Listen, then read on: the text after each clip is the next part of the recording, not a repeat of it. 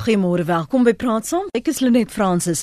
Die Afrika Unie het 'n beroep gedoen om alle rolspelers in Zimbabwe om die land se grondwet sowel as die Afrika Handves van demokrasie, verkiesings en regering te erbiedig.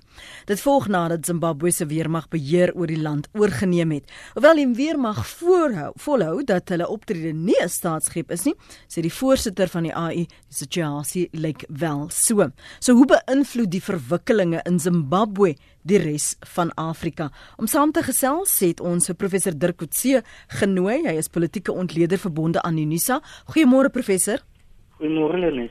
En ook Liesel Lou Wodren, Afrika kenner en konsultant by die Instituut vir Sekuriteitsstudies. Welkom ook aan jou Liesel. Dankie môre Lenet. Liesel die Afrika Unie se beroep op alle rolspelers in Zimbabwe om die land se grondwet sowel as die Afrika Handves te respekteer en te eerbiedig. Is 'n bietjie dik vir 'n daalder om uitspraak te lewer na dekade van ongelukkigheid en verandering in Zimbabwe? Ja, maar dit is nie onverwags nie, Lenet. Die Afrika Unie reageer eintlik maar net op die situasie in Zimbabwe ingevolge sy eie beginsels. Jy weet die die Afrika Unie word baie gekritiseer, maar in die afgelope kan ek sê 15 jaar of so is daar een ding wat die wat die Afrika Unie ehm um, bygehou het en dit is om ongrondwetlike verandering van regering, unconstitutional changes, as hulle sê, um, te verwerp.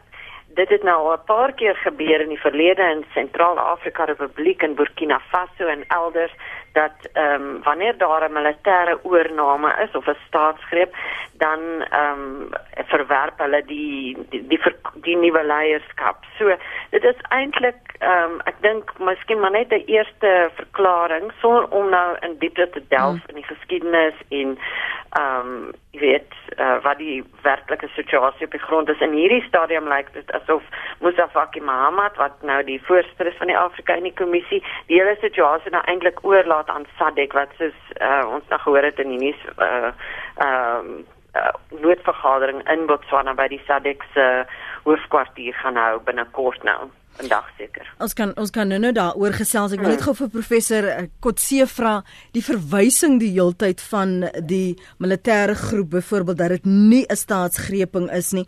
'n uh, 'n uh, 'n uh, uh, 'n confinement verwys hulle na Mugabe se se huisarrest. Waarom hierdie woordspeling? Wat is die implikasie daarvan om 'n ding op sy naam te noem vir die res van Afrika waar daar ook hierdie onderstrominge is? Ja, ek dink dit is eerstens om te probeer verhoed dat dit ehm um, as beskou word as immoreel as, as onwettig in terme van die Afrika Unie se handves. Want sodra as wat dit getipeer kan word as 'n staatsgreep, um, dan beteken dit dat dit onder dat dit onkonstitusioneel is, dat dit onwettig is, dat die Afrika Unie daarteen moet optree met sekere sanksies. Um, in die meeste gevalle het ons gesien dat dit werklike ekon ekonomiese sanksies is wat ingestel word in lande soos byvoorbeeld Madagaskar um, en ander van die ander lande wat uh, wat ons al na verwys het. So dit dit is om dit te probeer verhoed. Daar word soms gepraat van goeie staatsgrepe en slegte staatsgrepe en ek dink hierdie hulle probeer hierdie in voorstel as 'n goeie staatsgreep wat daar ter wille is van die bevolking in die algemeen um, en dat dit nie daar is ter wille van die magsgreep wat uitgeoefen sal word deur die weermag. En dis ook ek dink die een van die primêre redes waarom die weermag byvoorbeeld nie die parlement ontbind het nie, nie die uh die grondwet ontbind het nie en nie aangekondig het dat hulle een of ander militêre komitee of of iets soortgelyks uh, gaan vestig om die regering oor te neem nie. Maar dit hoogs waarskynlik hulle besig is om te praat van 'n oorgang na na steeds 'n 'n burgerlike vorm van regering. Hmm. Die feit dat daar nou gepraat word oor 'n tussentydse regering of vir jou juis hieroor vra Liesel en en dan as ons miskien praat oor persepsies wat wat is die persepsie wat op die oomblik dan binne die Afrika streek uh, oor hierdie oorname oor wat mense dalk sal noem hoe wat wat da, daar uh, die afleidings wat gemaak word Dit is baie moeilik om te sê ehm um, wat is eh, wat nou gedink word. Ek het gister met 'n klomp mense ook uh, in ander Afrika lande en Senegal en so 'n onderhoude gedoen. Hmm. Dis interessant um, en en daar was reaksie van plekke soos Kameroen uh, was daar en elders. Ehm um, daar is amper ehm um, kan ek sê mense teleeggestel deur die feit dat hier het ons 'n situasie gehad in 'n Afrika land waar vir alle uh, kommentators en enigiemand wat ehm um, na die situasie gekyk het, heeltemal 'n onhoubare situasie was. Hier het jy 'n president wat nou in Februarie volgende jaar 94 word en wat klaarblyklik uh, nie in staat eintlik fisies daartoe da, da sou wees om 'n land te regeer nie. Jy het 'n ekonomiese ineenstorting en en die enigste oplossing of die die werklike oplossing kom toe deur die weermag in te stuur. Soos iemand vir my gesê het, het ons voel ons is nou dekades weer terug. Hoe is dit dat in in in 2017 die oplossing kom nie van uh al die uh, demokratiese bewegings, hmm. die burgerlike organisasies, die oppositie, die uh, internasionale druk, daar was al sanksies op teenoor Zimbabwe van die Europese Unie van Amerika. Hmm. Die oplossing of uh, soos wat nou vir mense binne Zimbabwe lyk, is 'n uh, oplossing. Kom van die weermag. Dit kom ehm um, met militêre voertuie wat na die na die hoofstad toe gestuur word. Jy weet dit is amper ek sê dit is 'n teleurstelling vir mense dat um, om ons later raak van Robert Mugabe se regime is eintlik ehm um, ja, dit is dis al ehm um, hoe kan ek sê oplossing of om om een of ander dramatiese verandering te mm. bring. Mm. Ons kan nou daar gesels gaan die uh, toekomstige regime beter wees of nie. Maar maar maar die feit bly staan, die weermag het nou oorgeneem en gaan nou waarskynlik een of ander oorgangs ehm um, regering moet uh, onderhandel tot tot nuwe verkiesings. Hmm. Kan ons praat vir 'n oomblik oor hierdie ingryping dan in aanhalingstekens professor Kotse en dat juis vanuit 'n militêre of dan die weermag se se se invloed gekom het gegee dat hulle vir Robert Mugabe die laaste 40 plus jaar ondersteun het en nou is daar gerugte dat dit letterlik eintlik maar 'n faksie binne ZANU-PF is wat 'n ander faksie van ZANU-PF oorneem. Ja, dit is daar is die twee faksies, die sogenaamde G40 en die Lacoste, die krokodille van uh, Manangakwa, uh, wat die twee hoofgroeperings is. Um, so hulle het baie dieselfde, ek sou sê amper tendense of dinamika as wat ons op die oomblik binne die ANC sien met die twee hoofgroeperings. Ehm um, die die Manangakwa word primêr ondersteun deur die sekuriteitsgroeperings uh, en veral die weermag, hy kom 'n baie lank pad vanaf ten minste 1975 saam met president Mugabe. Ehm um, en ek dink wat ons wat ons hier sien is is dat die ander opsies ehm um, wat bestaan het, die eerste opsie opsie was waarvan die meeste mense maar altyd gepraat het is dat president Mugabe sou sterf terwyl hy nog president is. En die tweede een is die van eh uh, uh, dat hulle teen dat die ZANU-PF sou verloor in 'n verkiesing. Nou dit het ons begin sien met die referendum in 2000. Ons het dit gesien rondom 2008 dat die MD, MDC die meerderheid in die parlement gekry het in by die verkiesing, maar dat uh, die presidentsiële verkiesing het, het die situasie skeef geloop natuurlik. En wat ons daarna gesien het is, is dat die oppositie eintlik begin verkrummel het. Uh, die MDC het verdeel in drie, mens kan presies vier verskillende groeperings uit die ander oppositiepartye daar's tussen 7 en 8 hulle probeer hulle self nou hergroepeer onder Joyce Mujuru. Hmm. Um, maar byvoorbeeld die MDC uh, eh, Morgan Tsvangirai is in terme van sy gesondheid sou waarskynlik kan nie meer aan die politiek kan deelneem nie. Hy is hy is, hy is baie ernstig siek en meestal hier in Suid-Afrika. Um, en dit beteken dat die oppositieparty totaal gefragmenteer is. Hulle probeer nou om om groter eenheid te onderhandel tussen hulle maar dit is hulle is nog glad nie by daardie punt nie. So daar was geen potensiaal in enigiets van hierdie opsies om om dat daar dat president Mugabe verslaan sou word of dat hy uh, op 'n politieke wyse uh, uit die proses het sou uitkom nie.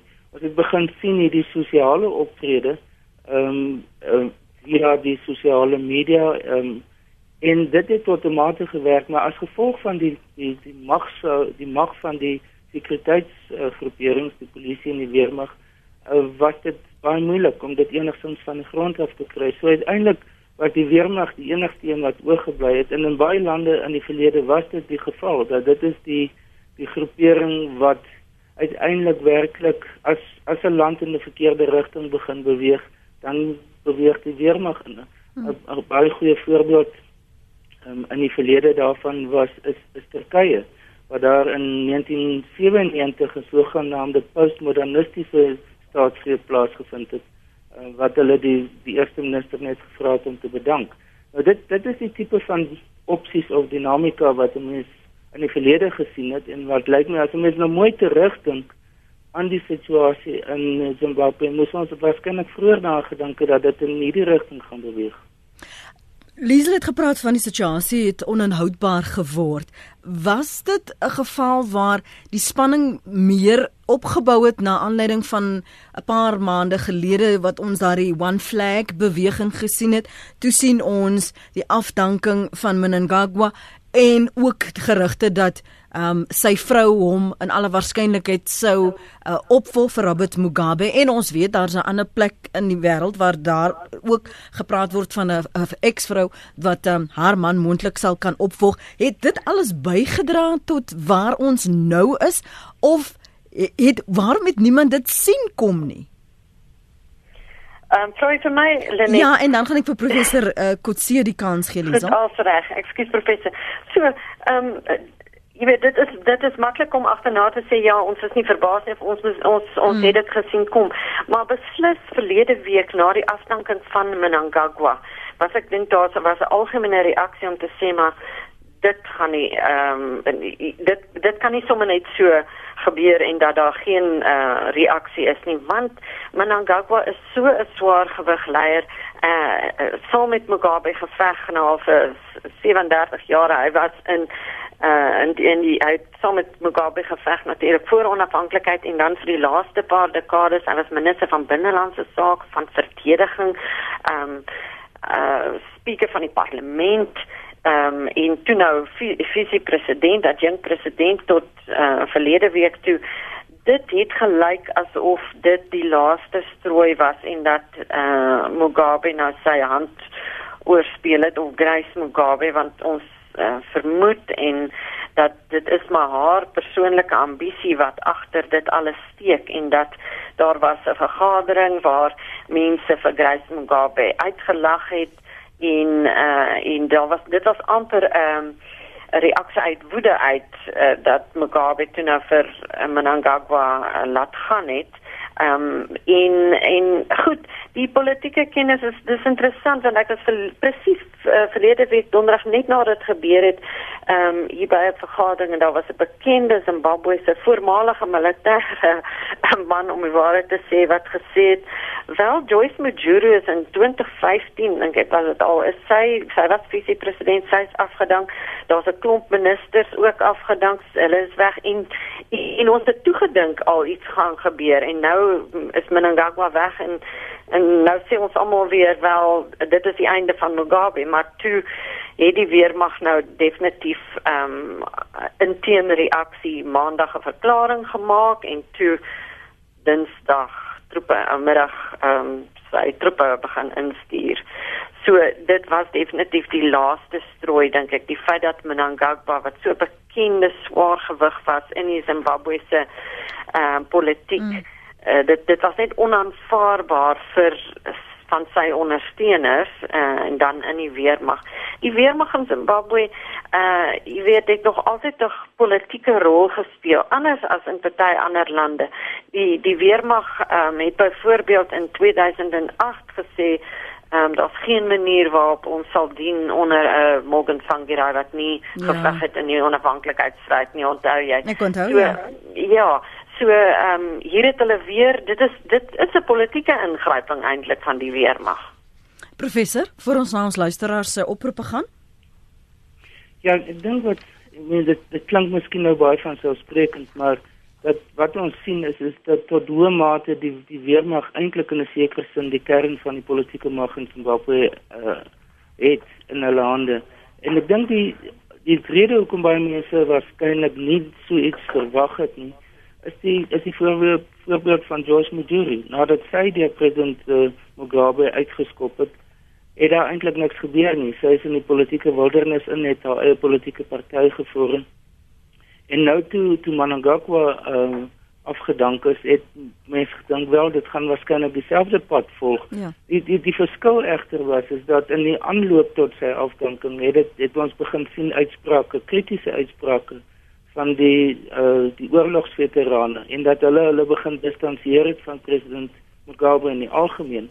Um en ek dink wat nou van absoluut absoluut kritiese belang was is dat die weermag dit gesien het die afdanking van die vice-president Mnangagwa as as as 'n uh, streep wat in die sand getrek is, as 'n punt waarby hulle nie verby kan gaan nie.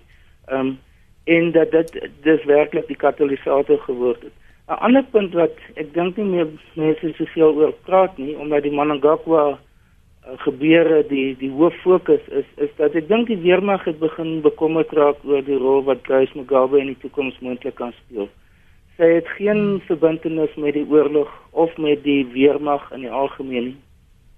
En dit en dit beteken dat sy vorentoe dalk Zimbabwe meer in 'n ander rigting kan laat beweeg wat nie noodwendig so sterk gekoppel is aan die weermag um, en aan die tradisies van die oorlog en van die oorlogsveterane en ander nie en dat sy nie daardie persoonlike verhouding mm. met daardie persone het nie um, en dat die weermag omdat hulle sien hulle self sien in die sentrum van politieke mag in Zimbabwe wou natuurlik dit probeer beskerm. Dit is in 'n sekere sin parallel, maar nie identies nie, maar parallel met wat die situasie in Lesotho is. Um, en ek dink dis een van die redes hoekom hulle gesien het as hulle Mnangagwa gaan verloor, dan gaan hulle hulle hoofverteenwoordiger in die in die regering gaan hulle ook dan verloor. En dis hoekom hulle vasgeskop het na my mening um, op op hierdie punt. Kom ons hoor wat sê ons luisteraars. Baie dankie vir die aanhou Tian. Goeiemôre.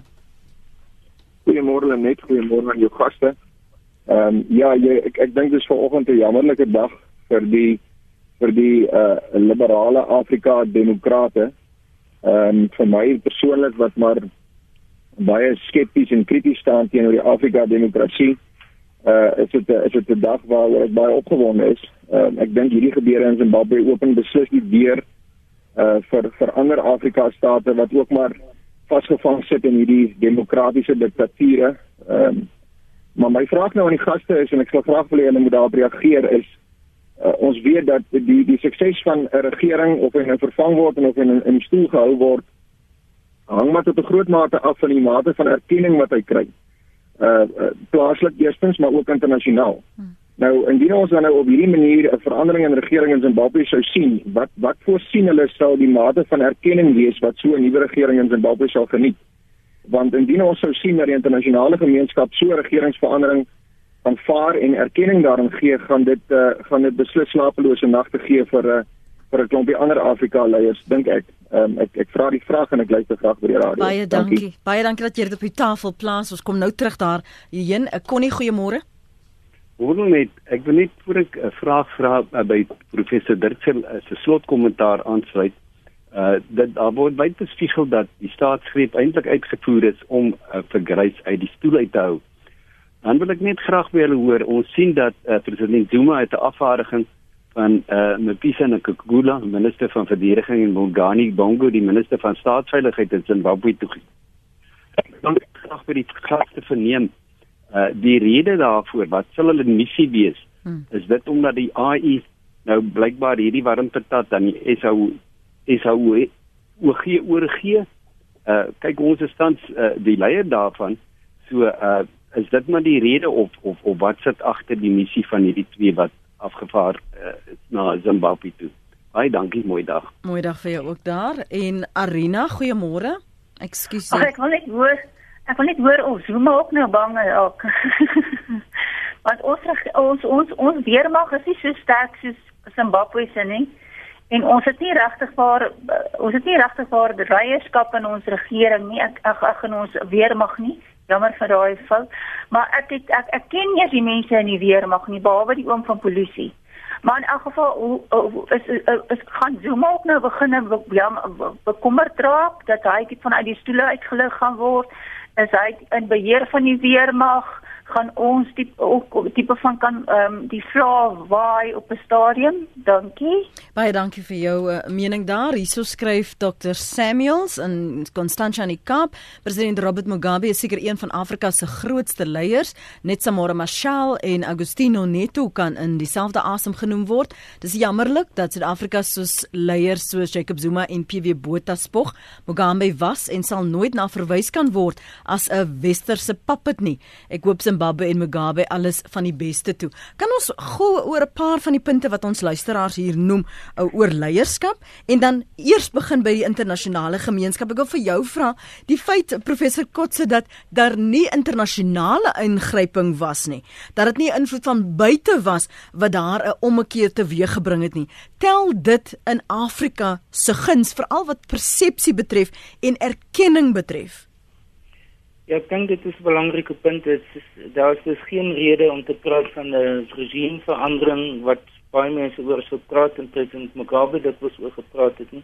Ehm um, dit het baie duidelik van binne gekom. Dit gaan baie moeilik wees om byvoorbeeld te kan sê dat die weermag eintlik gefinansier of aangemoedig gemotiveer is deur eksterne magte, westerse magte. Um, ek dink dit is nie te sprake nie. So die die idee dat dit van binne kom dat daar 'n mate van uh, opregtheid, van legitimiteit van binne is, dit dit dink ek tel ten gunste van hierdie verandering. As jy net byvoorbeeld kyk na 2011, die sogenaamde uh, Arabiese lente in Egipte en Tunesië, dit was ook onkonstitusioneel geweest, daardie regeringsverandering of daardie opstand, maar die regering wat na die tyd gevorm is, is deur die bank, deur die Afrika Unie, deur die internasionale gemeenskap in die algemeen, deur die VN almal uh, outomaties erkenning aangegee. As mens teruggaan na ander ouer voorbeelde soos die uh, die die, die wyse waarop president Kagame aan bewind gekom het, die wyse waarop president Museveni in Uganda aan bewind gekom het, selfs die wyse waarop die Kabilas in die DRK aan bewind gekom het, was ook op 'n gewelddadige manier deur 'n deur 'n oorlog en hulle regerings hulle oornames deur die internasionale gemeenskap erken en nie gesien as onkonstitusioneel nie. So daar is voorbeelde ten spyte van die beginsel in die algemeen is daar voorbeelde waar daar gepraat word van dan goeie opstande of legitieme opstande. Ehm um, en dan die die verskil natuurlik in die geval van Zimbabwe is dit dat daar nie 'n populêre opstand van die gemeenskap in die algemeen was nie, maar dat dit primêr van die weermag se kant af gekom het.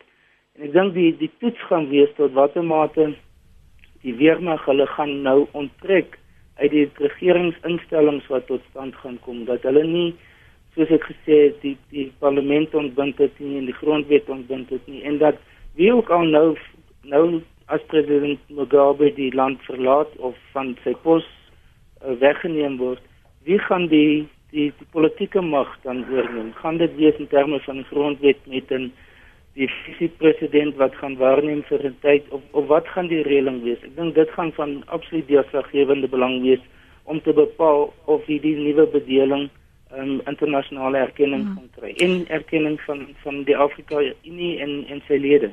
Boris Johnson en Cyril Ramaphosa het in 'n gesprek albei gesê soos die AU vroeër vanoggend dat dat hierdie proses moet oorgelaat word aan die mense dat hy sy sy demokratiese stelsels dat dit uh, eerbiedig moet word is, is dit 'n goeie teken daardie soort van uitsprake so vroeg in in hierdie onderhandelinge en die gekyk na 'n tussentydse regering Liesel Ja, ek dink so. Dit is definitief belangrik soos die een bystraat gesê, die mate van erkenning deur die internasionale gemeenskap van dan nou die oorgangsregering wat ons nou vermoed ingestel gaan word as die weermag nie besluit goed ons hou mag vas en ons gaan onsself nou hier as die nuwe uh, oorgangsregering kan ek maar sê uh, aanstel nie. So die erkenning van die internasionale gemeenskap is baie belangrik.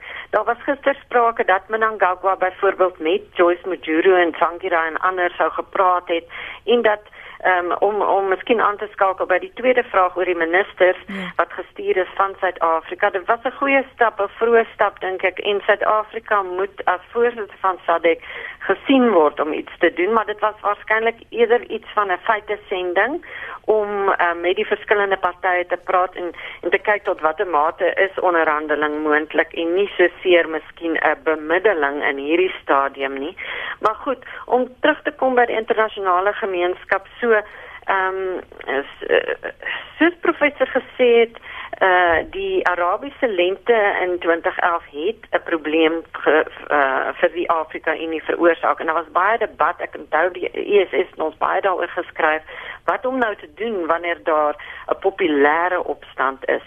Ehm um, die Lomé verklaring wat uh Afrika uh, wat staatsgrepe dan nou verbied en wat die Afrika Unie duidelik gesê het hulle erken dit nie was natuurlik in 2000 so dit is nadat mense soos Kagame en en Museveni en so aan ehm um, die staatsgreep aan bewind gekom as nog 'n paar ander ouens wat wat nog steeds aan bewind is nadat hulle met 'n staatsgreep aan bewind gekom het in ekwatoriaal Guinea en hmm. so aan maar ehm um, daai eh uh, massa verwerping van 'n staatshoof um, is op die proef gestel in Burkina Faso in 2014 omdat dit was presies daai situasie 'n ongewilde staat so wat wil klou aan mag mense is in die strate. Toe kom die weermag en sê goed ons gaan julle nou help om van hom ontslae te raak. En toe in daai stadium het die Afrika Unie ook gesê nee julle moet 'n siviele regering daar ingestel so so in daai geval het die Afrika Unie stuk uh, voet by stuk gehou en en hierdie beginsel teen staatsgrepe deurgevoer.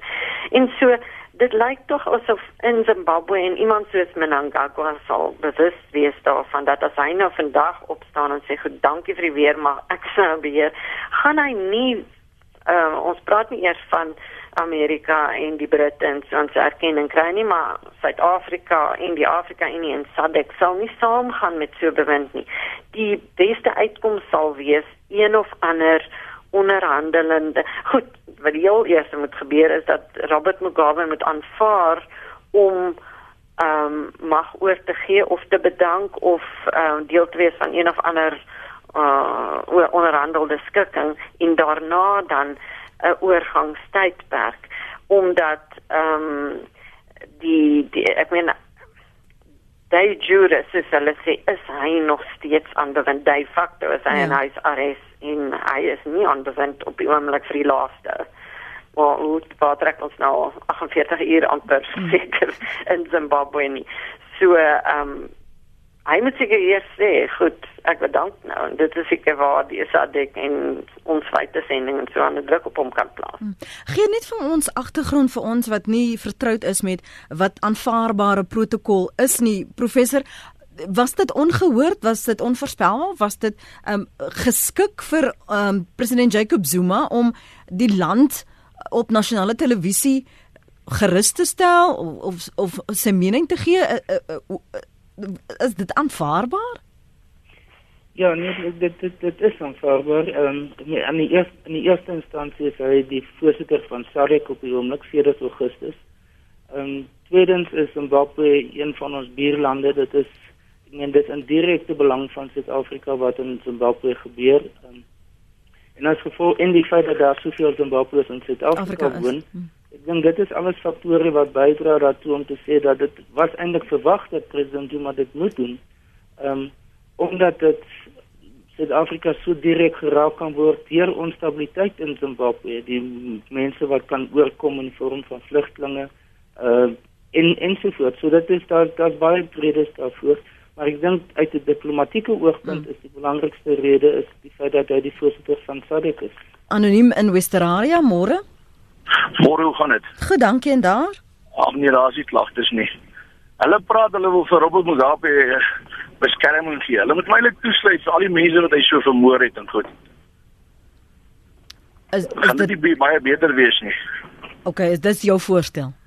Ja. Dis Ja, ek dink dit is my voorstel wees. Goed. Want hy het baie mense se lewens verwoes. Goed, dankie. Dankie vir jou mening daar anoniem. Ek kom ons praat oor van ons luisteraar se kommentaar. Louis skryf die parallelle tussen Zim en SA, 'n president wat hire en fire om sy eie belange te bevorder. Ons sien dit ook maar hier. Twee kampe in die regerende party en intussen gaan die land ten gronde. Korrupte president wat homself verryk. Ons president sit met hoeveel beskuldigings van en klagtes teen hom. Ek glo nie dat ons 'n weermag van die aard het nie, maar burgerlike gemeenskap en oppositiepartye wat ook keelvol laat. As ek Zuma is, sal ek uh maar bietjie bekommerd wees. Dis Louis se mening daarin. So ons het gepraat van uh, president Zuma wat 'n vergadering van die Suider-Afrikaanse Ontwikkelingsgemeenskap belê het om daardie politieke krisis in Zimbabwe te bespreek. En die vergadering sal in Botswana en Gaborone plaasvind en uh, ministers van die SAOG lande, lidlande gaan dit bywoon. So kom ons praat oor parallelle. Jy het ook flissies um vroeër vanoggend verwys na na Lesotho byvoorbeeld in die situasie daar. Wat is die boodskap wat dit, dit in vir die res van die SAOG lande, lidlande uitstuur professor Kotse? Ek dink een van die eerste of belangrikste boodskappe is is dat ehm um, dit dit belangrik is dat leiers van lande, presidente moet bly by die konstitusionele beginsels van hulle lande. Ehm uh, die feit dat president uh, Mugabe nou vir vir 37 jaar aan bewind is, is nie word nie deur sy grondwet beperk nie, maar dit is iets wat in terme van politieke praktyke van konstitusionele praktyke heeltemal ongehoord is. Ehm um, die feit dat hy probeer om dit 'n familiesaak te maak, ehm um, dat hy probeer dat sy vrou om of dat sy vrou probeer dat hy sy kan opvolg, is iets wat in terme van konstitusionele en politieke praktyke totaal on, ongehoord is. Ons het dit gesien in ander lande ook, Gabon byvoorbeeld. Ehm um, so dit is nie totaal uitsonderlik nie die DRK 'n ander voorbeeld daarvan, maar dit is iets wat streng gesproke nie aanvaarbaar is nie. Eh, behalwe as dit deur 'n normale verkiesingsproses sonder enige beïnvloeding plaasgevind het. Ehm um, ek dink 'n ander aspek wat wat bespreek is is, is dat uh, die rol van die weermag moet beperk word. En ek dink Suid-Afrika is 'n goeie voorbeeld van waar die weermag omtrent geen politieke rol speel nie die polisie en die intelligensiedienste is meer prominent aan maar in 'n groot mate en dis wel 'n soto baie pertinente spraak is is sodra as wat te veel mag in die hande van sekuriteitsinstellings is dan skep dit uiteindelik onstabiliteit want ja. dit skep 'n 'n magsentrum wat werklik wat nie werklik uh, onder beheer van die gewone uh, gesagsstrukture van die parlement byvoorbeeld is of selfs van die burgerlike gemeenskap nie idee van nasionale veiligheid van dat inligting nie toeganklik is nie as gevolg van veiligheids uh, oorwegings is net te maklik om te gebruik om dit weg te steek van die bevolking in die algemeen.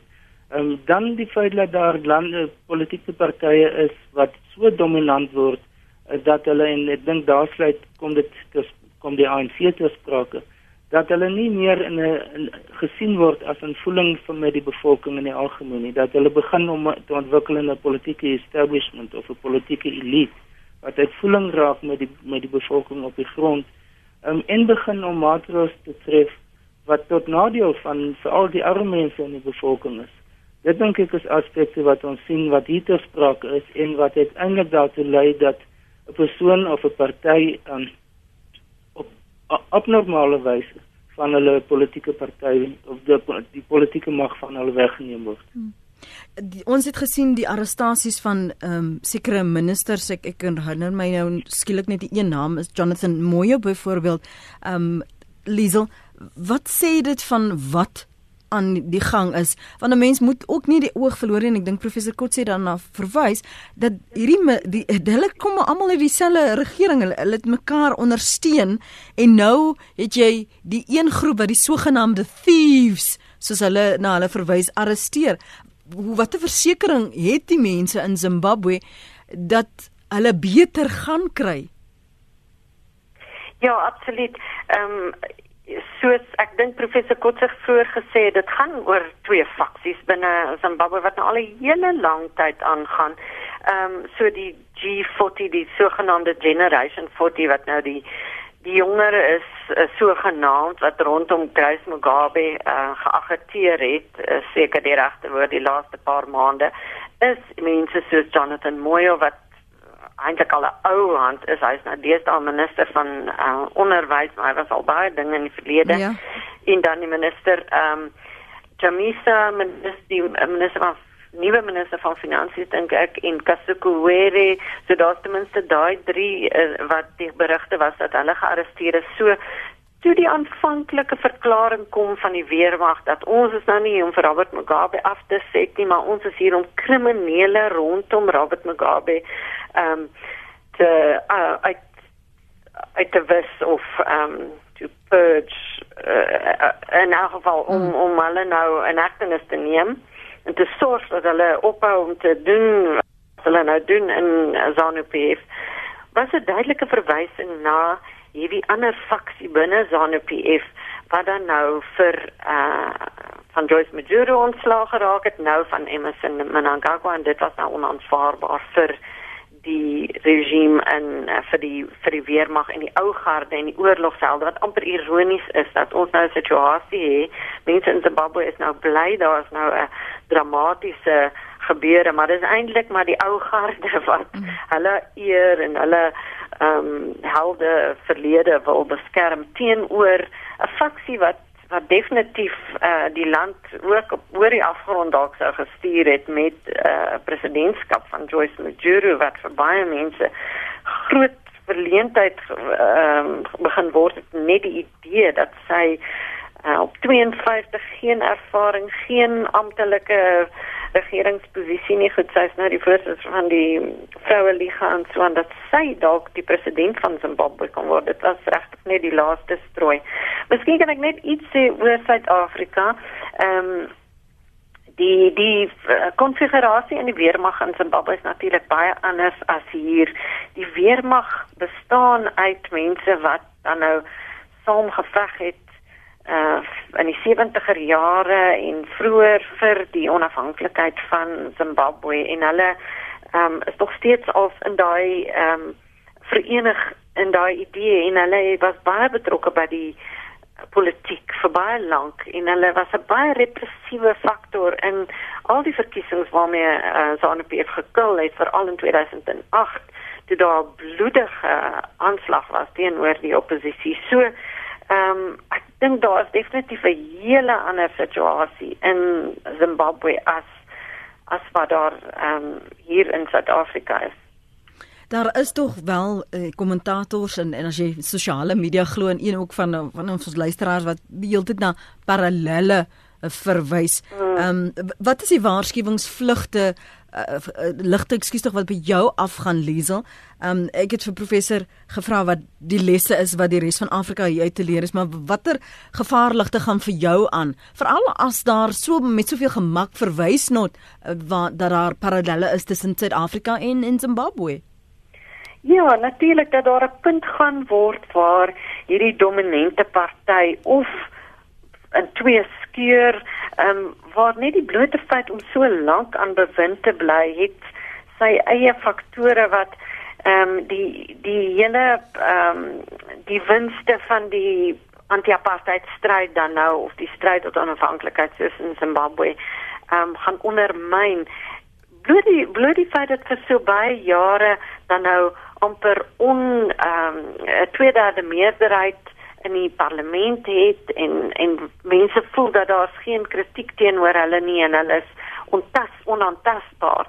Dit in sigself ehm um, bring op die lang duur soveel probleme en daarom is daar ook kwessies in Afrika nou en baie lande die kwessie van beperking op die mandaat van die staatshoof Ehm um, dit is gelukkig in ons grondwet ook en in die ANC ehm um, is dit die praktyk dat 'n ehm um, die leier van die ANC net vir twee termyne aanbly uh, vir 'n beperkte tydperk. So ehm um, die daar daar is natuurlik parallelle. Ons is in 'n konteks in Suider-Afrika waar die meeste ehm um, partye wat met onafhanklikheid dan nou aan bewind was nog steeds regeer liberation movements of bevrydingsbewegings ja. so mense kan dalk daai parallelle trek ehm um, en en ook die feit van dat gewone mense net op 'n punt kom waar hulle siek en sat is vir korrupsie en dat wanneer die politiek oorneem en daar genaamd geen gesonde ekonomiese beginsels is wat gevolg word nie, die uiteinde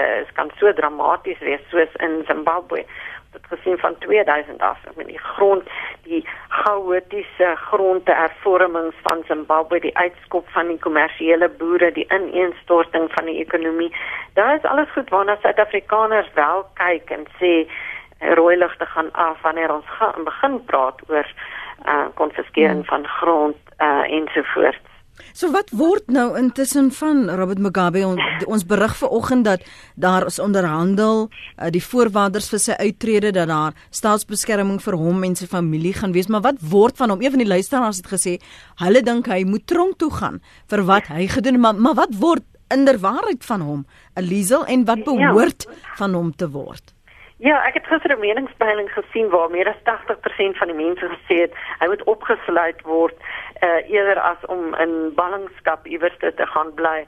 So, ehm um, dit is lyk like my algemene mening. Maar goed, ehm um, van die reaksie wat mense nou gesien het gister byvoorbeeld iemand so Tendai BT wat lank in die oppositie was, hy was die minister van finansies in die tussentydse regering en die regering van nasionale eenheid.